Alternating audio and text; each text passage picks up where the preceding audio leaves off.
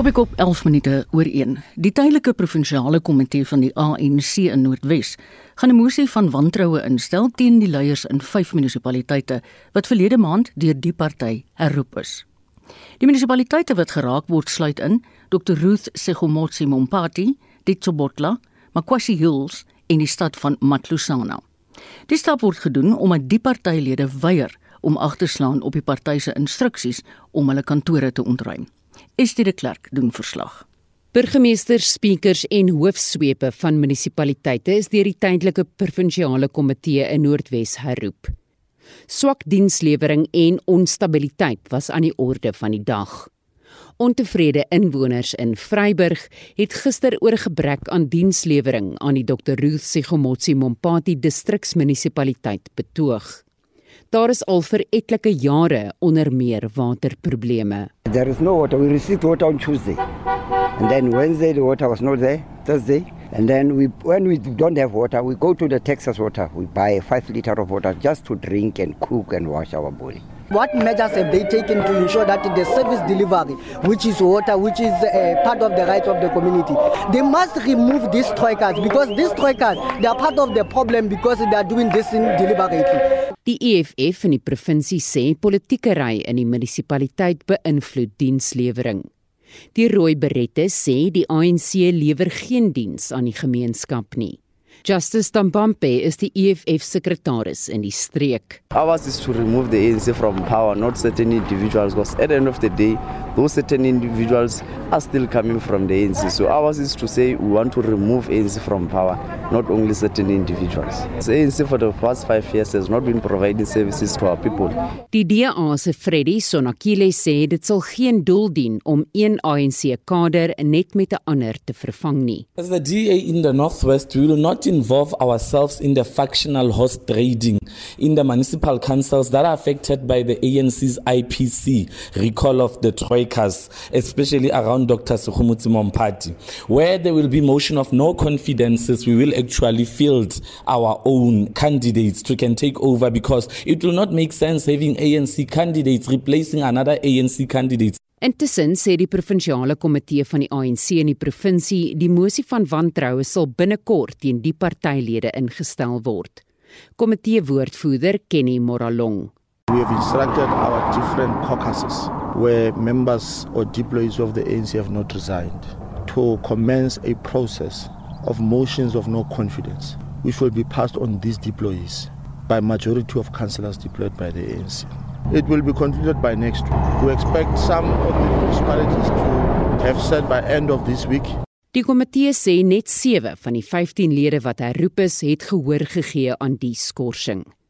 Die verslag is saamgestel deur Zebilon Maine in Vryburg. Ek is Estie de Klerk vir SAK nuus. Die Zondo-ondersoek oor staatskaping fokus steeds vandag op getuienis van Denel. Die voormalige bedryfshoof van Denel Land Systems Renen Tubus is vandag in die getuiebank. Ondersoekers probeer bepaal of die staatsentiteit wel betrokke was by tenderbedrog toe drie kontrakte aan die Gupta beheerde maatskappy VR Laser toegeken is.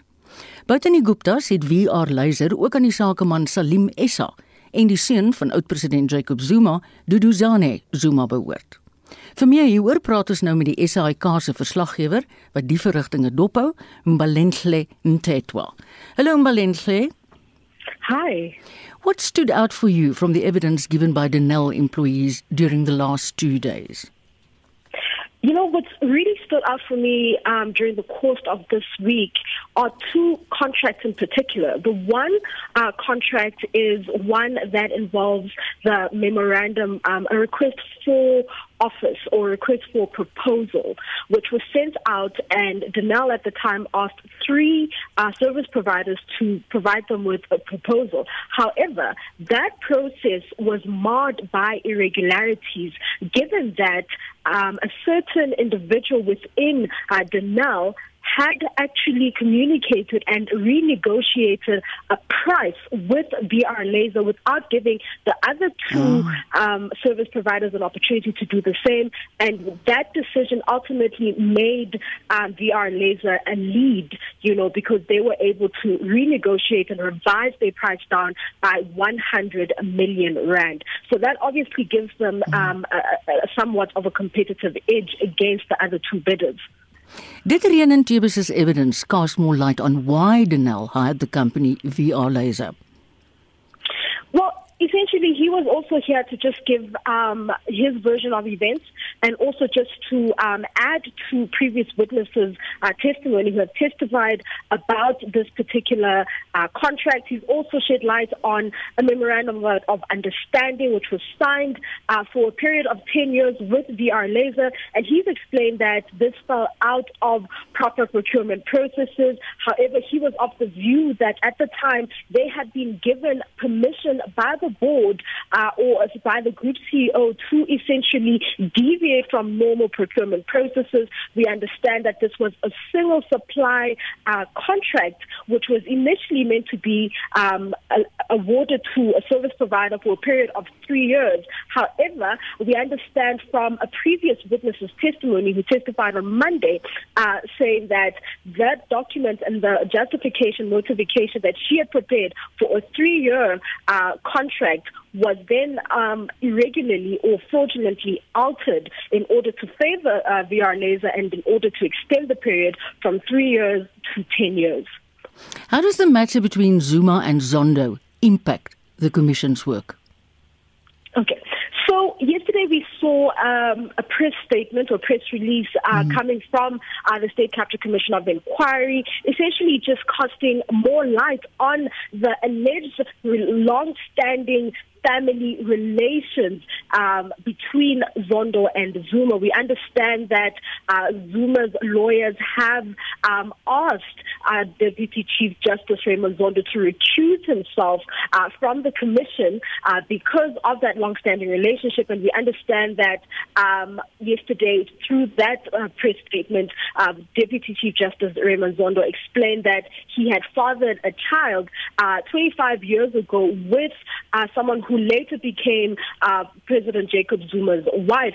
And he was essentially just denouncing that long-standing relationship.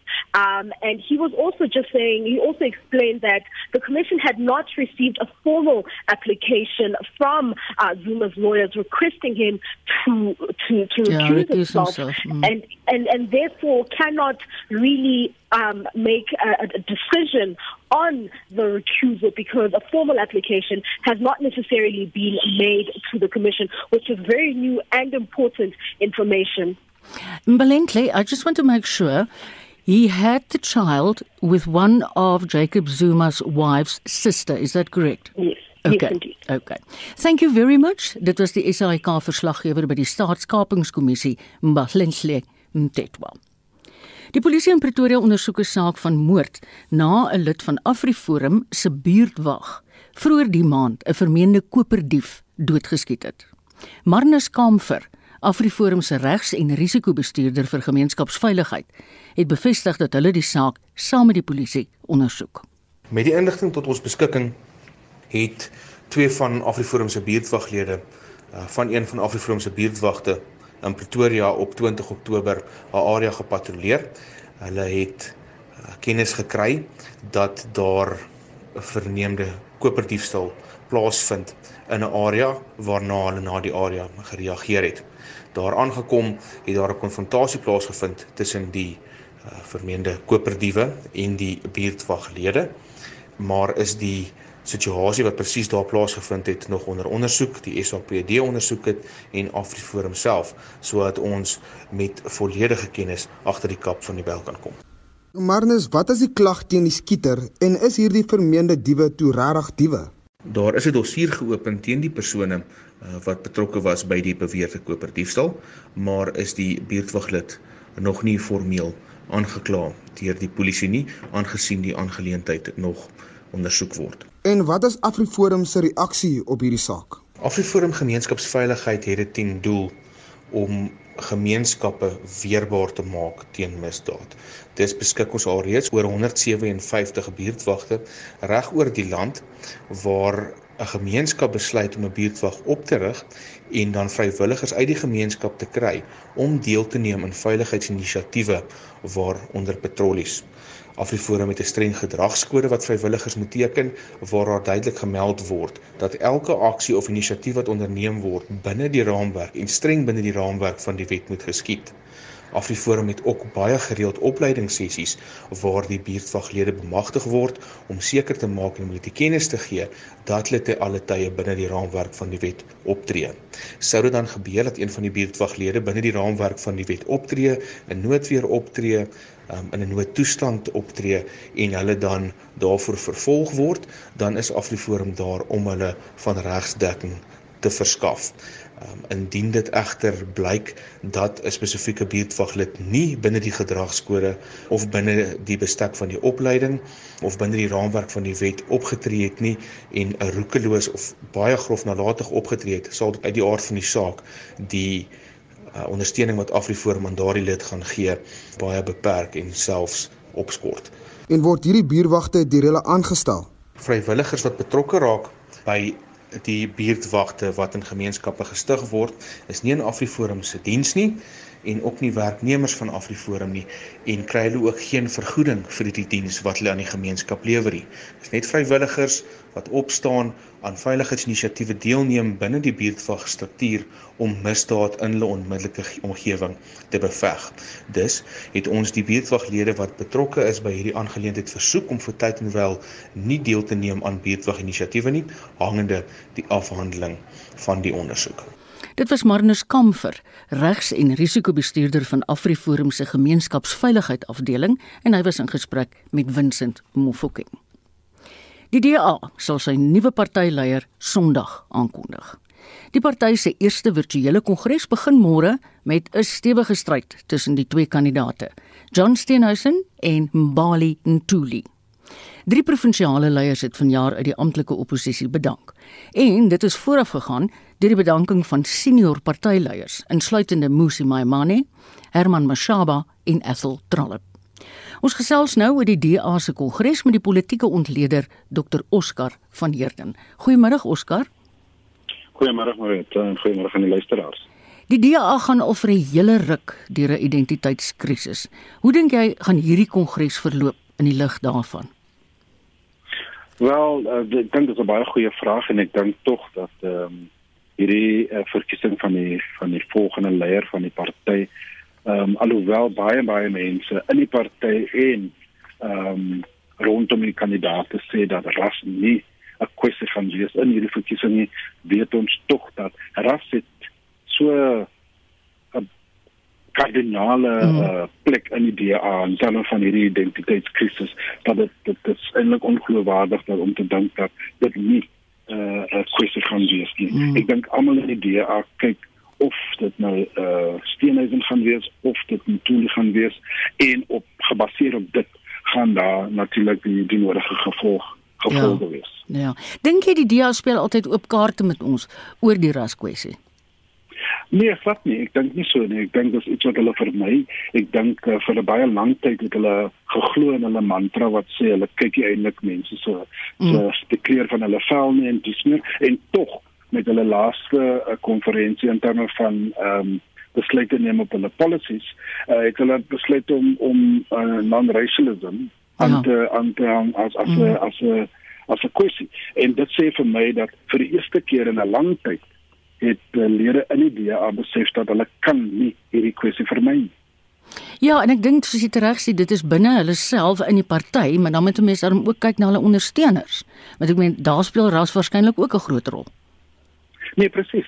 Jy weet eh, wat Helen hulle gedoen het, uh uh toe voor sy uit uit die party het gegaan het en na na weer teruggekom het, maar was om swart lede in te bring. Ek dink dit was 'n baie belangrike besluit wat hulle geneem het in die DA. Hulle het geweet dat hulle hulle wit ondersteuners is is beperk in terme van syfers as hulle meer plekke wil hê in parlement dan sal hulle moet mm. swart lede inbring en dit mm. is die regte besluit. Ongelukkig toe hulle nou besluit om daai swart lede in te bring, moes hy maar Emmanuel word die leier en so aan en natuurlik verskillende swart lede in verskillende provinsies.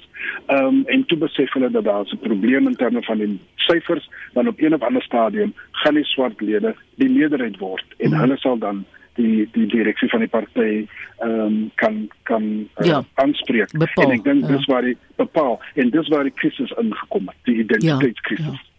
Oscar, en natuurlijk ja. die feit dat hulle ook dan mense en lede spesifiek wit lede verloor het in die in die laaste verkiesing. Mm. Sê ook dat hulle dis nie net lede wat nie saamstem in die uh, uh die uh, rigting van die party nie, maar hierdie kwessies van swart lede ja. en Musima Imani, Herman Mashaba en Dismer het ook uh, uh dit was ook 'n kwessie in hulle besluitneming.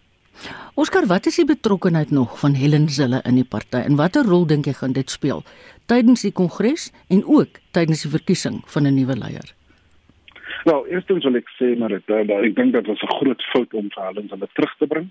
Ehm um, gegee vir die feit nie die persoonlikheid nie, Ek het geen probleem met Helen Zola as 'n persoon nie, maar die feit dat sy uit retirement uit moet terugkom om 'n krisis te kom hanteer. Ehm um, sê sê eintlik baie in terme van waar die party is en en hoeveel uh lede hulle het wat natuurlik hierdie tipe van probleme kan aanspreek mm. en ek dink mense wat dink dat hulle met geen invloed of geen sê in wat gaan aan met die leierskap uh, kwessie nie uh sit die pot mis sy gaan 'n groot rol speel. Ek ek is seker sy het in verskillende vergaderings uh, na agter geslote deure en so aan hmm. om seker te maak dat die regte persoon gaan gekies word sodat dit in die belang is van die party. So as sy leier van die federale uh uh, uh orgaan van die van die hmm. organisasie, dink ek sy speel eintlik 'n baie baie groot rol.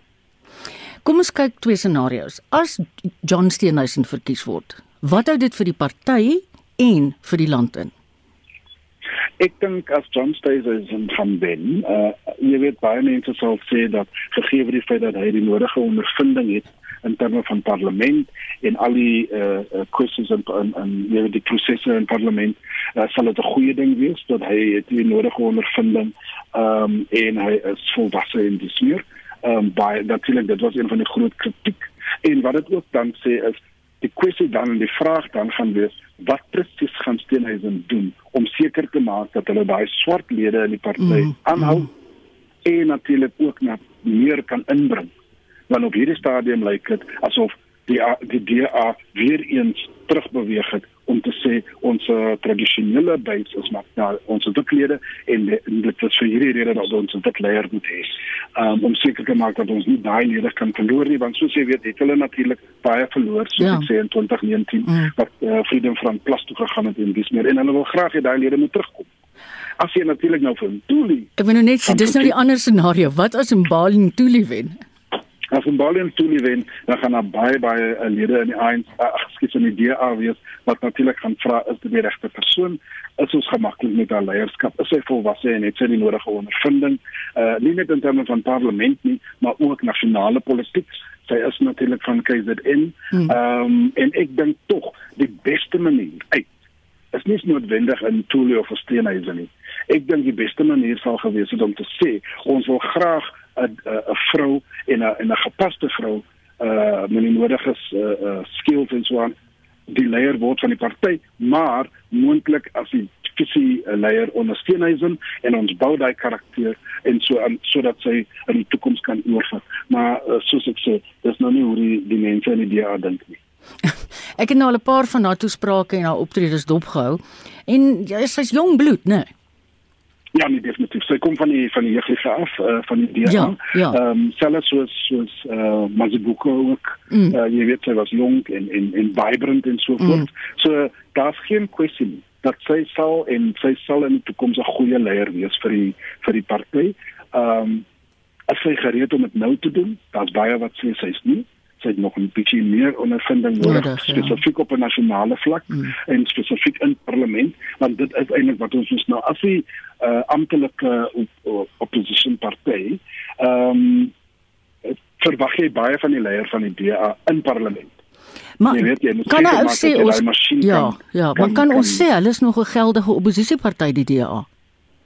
Ja, nee definitief. Kyk, die syfers sê hulle is hulle is nog steeds die amptelike oppositie. Ehm um, Hulle het 5 soos jy weet hulle het 5 van hulle eh, sit sitplekke mm. verloor in 2019. Mm. Hulle sal dit wel graag terugkry.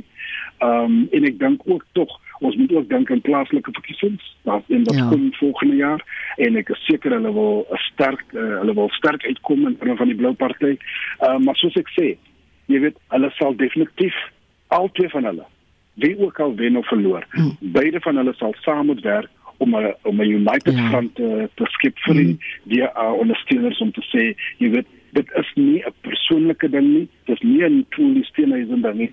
Dit is net in terme van wie is die gepaste persoon om die om die party vorentoe te vat. Ons sal waarskynlik binnekort weer met jou gesels, maar baie dankie vir vandag se bydrae. Ek het gepraat met die politieke ontleder Dr Oscar van Heerden. Jy luister na Spectrum elke weekmiddag tussen 1 en 2. Die Hooggeregshof in Johannesburg het die voormalige bedryfshoof van Bosasa, Angelo Agrizzi, onder streng borgtogvoorwaardes vrygelaat. Die gedragsowerhede vir die finansiële sektor het die voormalige bestuurshoof Marcus Jooste en nog 3 mense met minstens 241 miljoen rand beboet vir oortredings wat verband hou met binnehandel. En luisteraars stem saam dat skoolkinders nie genoeg basiese werks- en lewensvaardighede op skool leer nie. Wat ons nodig het is 'n beroepsgerigte, praktiese kurrikulum opgestel deur mense in die beroepswêreld self wat hierdie kinders kan voorberei vir die werksomgewing wat daar buite wag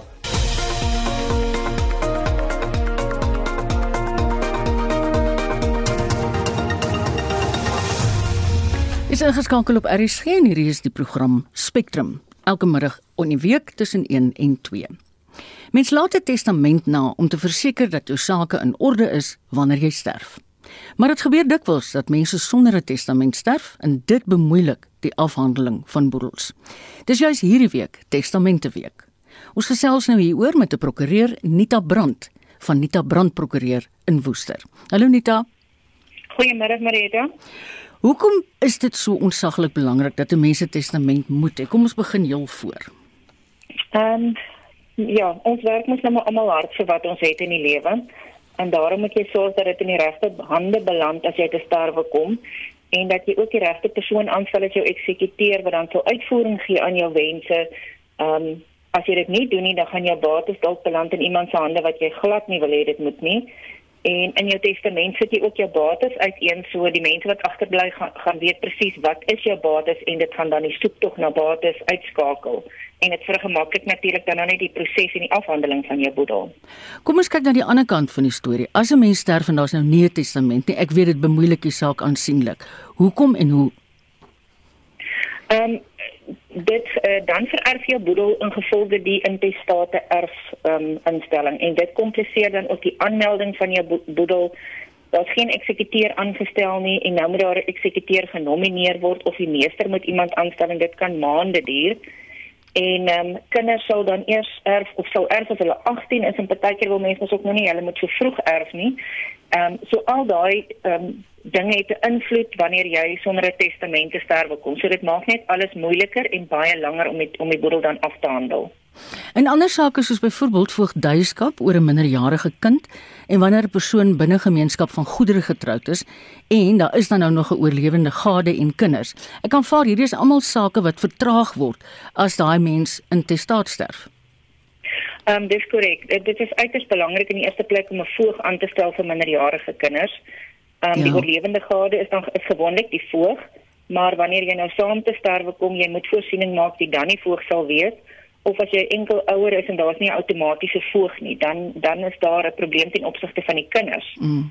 Ehm um, die intestate as opvolging maak voorsiening vir verskeidenheid scenario's. As jy byvoorbeeld net 'n gade het, dan erf jou gade alles, dan is dit redelik eenvoudig. Wanneer jy 'n gade en kinders het, dan word daar gepraat van die gade erf 'n kindsdeel plus 1 um en die kinders dan die res. Maar as daar kinders is wat by as daar net kinders is dan erf die kinders dit. En as kinders vooroorlede is dan erf daai kind se kinders. So dit raak ja, ja. dit raak 'n onslagtige ding. En en dit op die einde dan soek jy mense die hele land vol en hulle is in verskillende provinsies so dit bemoeilik die ondertekening van hierdie dokumentasie mm. dan ook. Nita kom ons begin heeltemal voor. Sien nou maar iemand luister vanmiddag en het nog glad nie 'n testament opgestel nie Hoe moet hulle te werk gaan? Um, jy kan jou eie testament opstel, maar my voorstel gaan wees om dit maar eerder kundige te sien, veral as jy baie bates het of as daar eiendom betrokke is. Um testamente moet aan sekere vereistes voldoen en as hulle nou nie aan hierdie vereistes voldoen nie, um, dan kan dit ook wees dat die meeste sê die testament is ongeldig en dan gaan ons ook terug na hierdie intestate mm. erfopvolging toe. So ehm um, die vereistes waaraan jy moet voldoen sommer dood eenvoudig is dat elke bladsy van jou testament moet onderteken word deur jou. Ehm um, dis nie nodig vir die getuienis nie, getuies nie, maar ons doen dit sodat daar indien daar 'n probleem is, daardie persoon kan getuig mm. oor oor die ondertekening. En hulle moet dan almal in mekaar se teenwoordigheid ehm um, die dokument teken. Hy moet gedateer wees en hy moet sê waar hy dit geteken het. En dan my voorstel is dat jy jou testament maar so eenvoudig as moontlik hou, jou jou bewoording. Ek weet baie mense hou van die latynse frases in. Ehm um, ek glo testament moenie plek laat vir interpretasie nie. Dit wat daar staan, moet jy uitvoering aan kan gee. Kyk, hierdie week is nou testamente week waar mense tipies na iemand toe kon gaan, die prokureurs wat deelgeneem het en hulle stel dit dan gratis op. Maar kom ons sê ek gaan dit nou volgende week of die week daarna doen. Is dit nog 'n durable oefening? Ehm um, nie werklik nie afhangend weer eens van jou bates en of daar truste geskep moet word of daar maatskappye ander regsentiteite betrokke is maar dit kan enige enige iets van R200 dan wees vir 'n doodgewone eenvoudige testament waar jy sê my gade en my kinders erf dit maar dit kan ook so duur word soos ongeveer R2000 dit is nou vir die opstel nie vir die vir die opstel nie vir die uitvoering daarvan nie Nee, die uitvoering werk ons teen 3.5% van die waarde van die boedel is dan die die kostes wat die wat betaal word aan die eksekuteur van die boedel. Ek gaan nou 'n testament opstel. Wat wat moet ek in aanmerking neem om te besluit wie's my eksekuteur?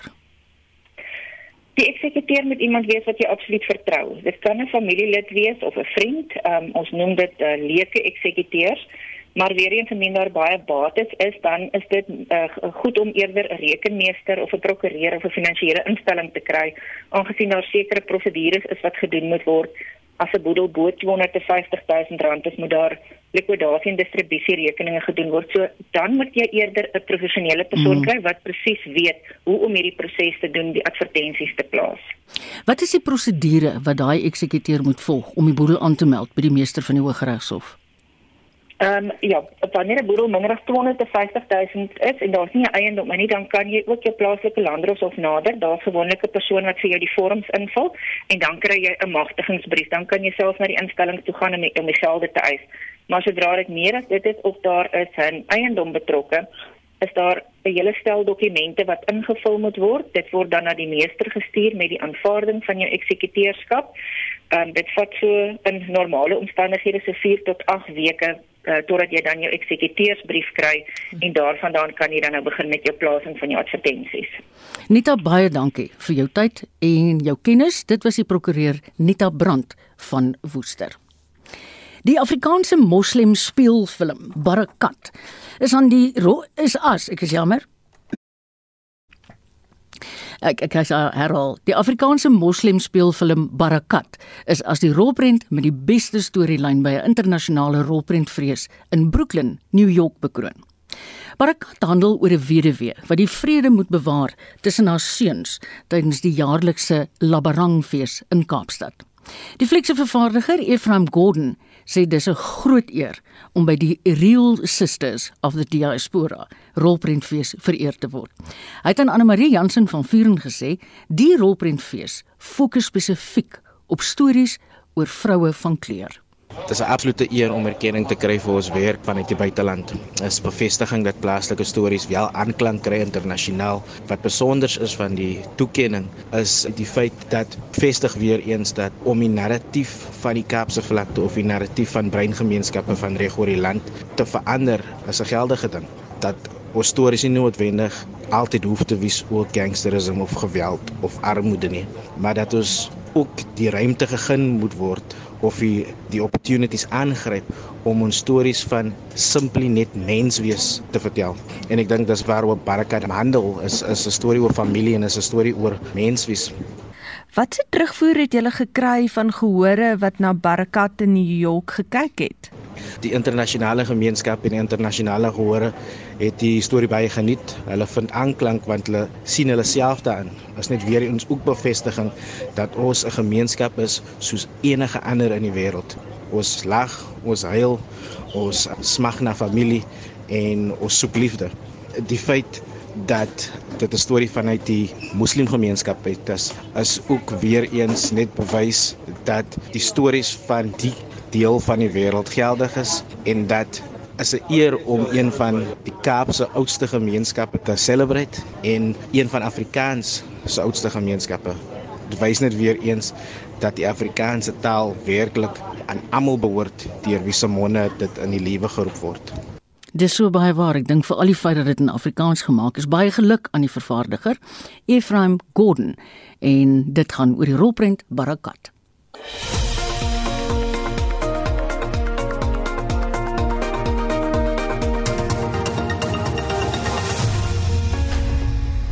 In Sydney, Australië, bied 'n meisieskool lesse aan en dit aan sy graad 11 leerdlinge oor noodsaaklike lewensvaardighede. Nou dit sluit onder meer in hoe om 'n motorpad waardig te hou, 'n papwiel om te ruil en ander basiese take.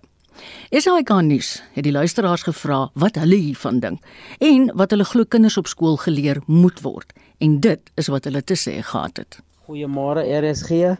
Ja nee, ek stem 100% saam. Daar is geen vaardigheid wat die kinders opdoen by die skole nie.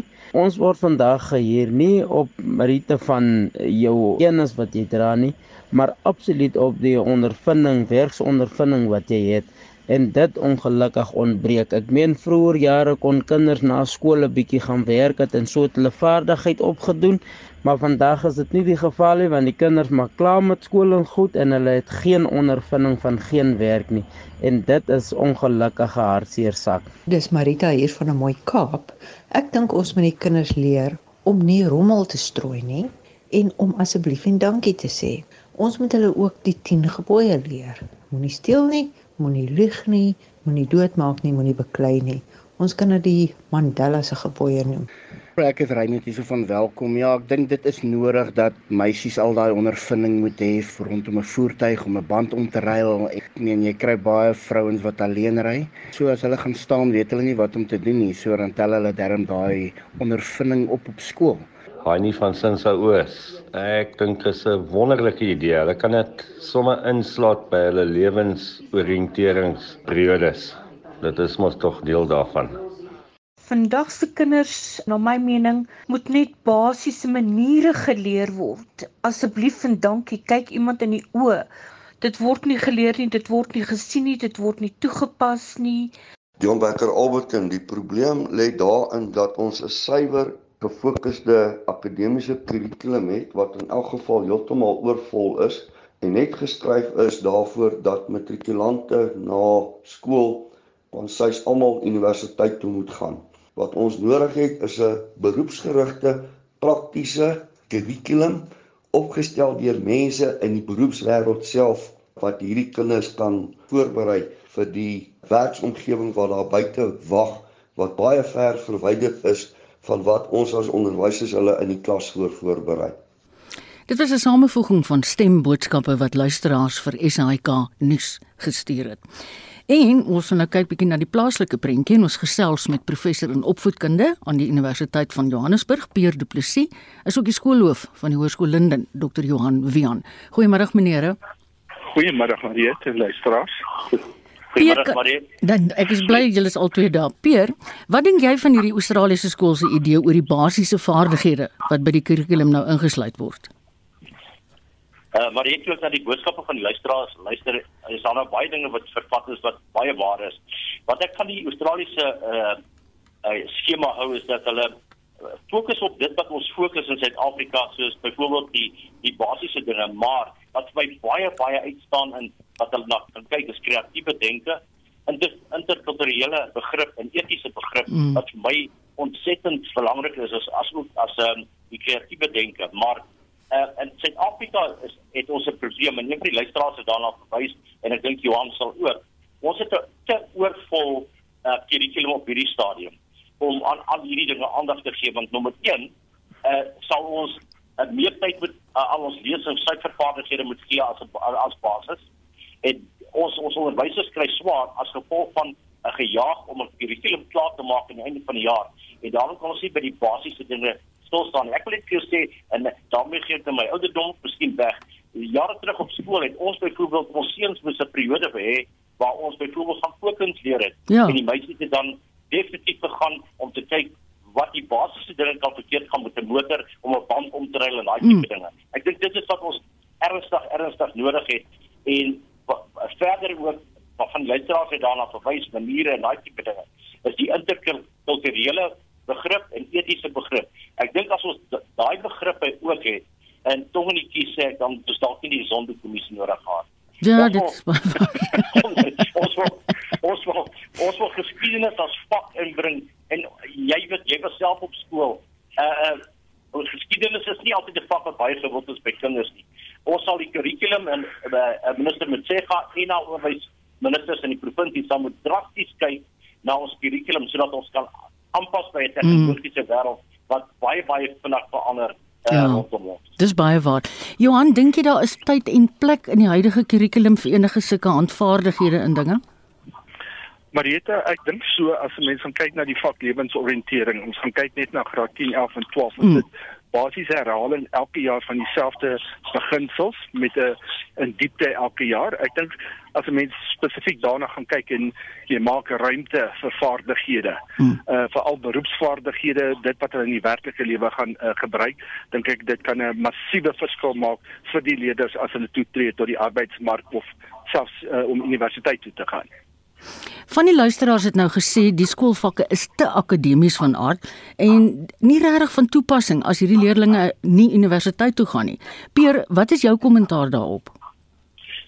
Want ek dink dit is dis dis baie waar en ek dis dis weer 'n keer 'n kurrikulum wat geskep word deur mense sonder om werklik beroepsgerigte mense by te trek uh, wanneer hulle na 'n kurrikulum kyk. Ons moet gaan kyk na watter vakke is werklik werklik nodig in vir die toekoms. Uh op hierdie stadium wil ek amper sê ons fokus te veel op die akademie sodat ons matriekuitslae net baie baie goed kan wees. Mm. En dit behoort nie dit behoort nie 'n faktor te wees nie. Ons praat altyd van uh, hoe daarbey tegnologie aangepas moet word, maar ons praat nie oor hoe hoe dit moet verander in ons kurrikulum, kurrikulum byvoorbeeld nie. Dit is baie ontsettend belangrik. 'n Faktor soos ek weet sekere skole hulle raak daaraan entrepreneursvaardighede wat ontsettend mm. belangrik gaan wees vir die werkplek van die toekoms uh, ons sal ons kinders moet leer dat daar nie oor die dinge van ons werkloosheidsyfer gaan nie oor nag verander nie. So hulle gaan moet entrepreneurs wees in die in in die in die, ja. die toekoms. Uh, ek dink 'n uh, vak soos rekenaarwetenskap gaan ontsettend belangrik wees om probleemoplossings, kreatiewe denke en digitale vaardighede by ons kinders tuis te bring. Johan, wat, wat is jou opinie Johan? Ek stem saam met Pierre wat eh, wat hy daar sê as mense van kyk na rekenaarvaardighede is dat 'n mens spesifiek uh, as alle leerders 'n uh, rekenaarvaardigheids uh, uh, jaarvak het of wat ook ja. al kan dit hulle bevoordeel want dit is iets wat mense elke dag gebruik en met daardie vaardighede kan jy enige iets doen in uh, veral in die koöperatiewe selfs in die akademiese wêreld en wat vir my belangrik is is dat uh, akademie is belangrik, maar die groot ding is as mens vaardighede vir leerders gee, gaan dit help om die werkloosheidssyfer af te bring en daardie leerders kan dan mm. met die mhm. vaardighede wat hulle op skool leer, daardie entrepreneurs uh, ja. kan word om sodoende 'n sukses van hulle lewe te kan maak. Baie dankie altoe meneere, dit was Dr. Johan Wian, Johannes se skoolloof van Hoërskool Linden in Johannesburg en professor Pierre Du Plessis, hy is verbonde aan die fakulteit opvoedkunde aan die Universiteit van Johannesburg. Hierdie Sondag op kommentaar praat ons oor die stand van die COVID-19 pandemie in Suid-Afrika, die Malema en Meyiwa hofsaake die mediumtermyn begroting en die DA se leierskapverkiesing. En hiervoor het ek die politieke ontleder Theo Venter, die menseregte prokureur Malene Rousseau en die politieke joernalis Jan Jan Joubert nader getrek. Ek is Hendrik Weingart en ek sal die gesprek lei. Sondag aand om 8uur net hier op RSG.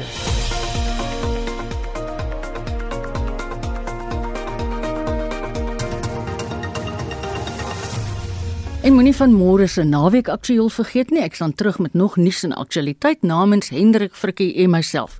Geniet die res van jou Vrydagmiddag.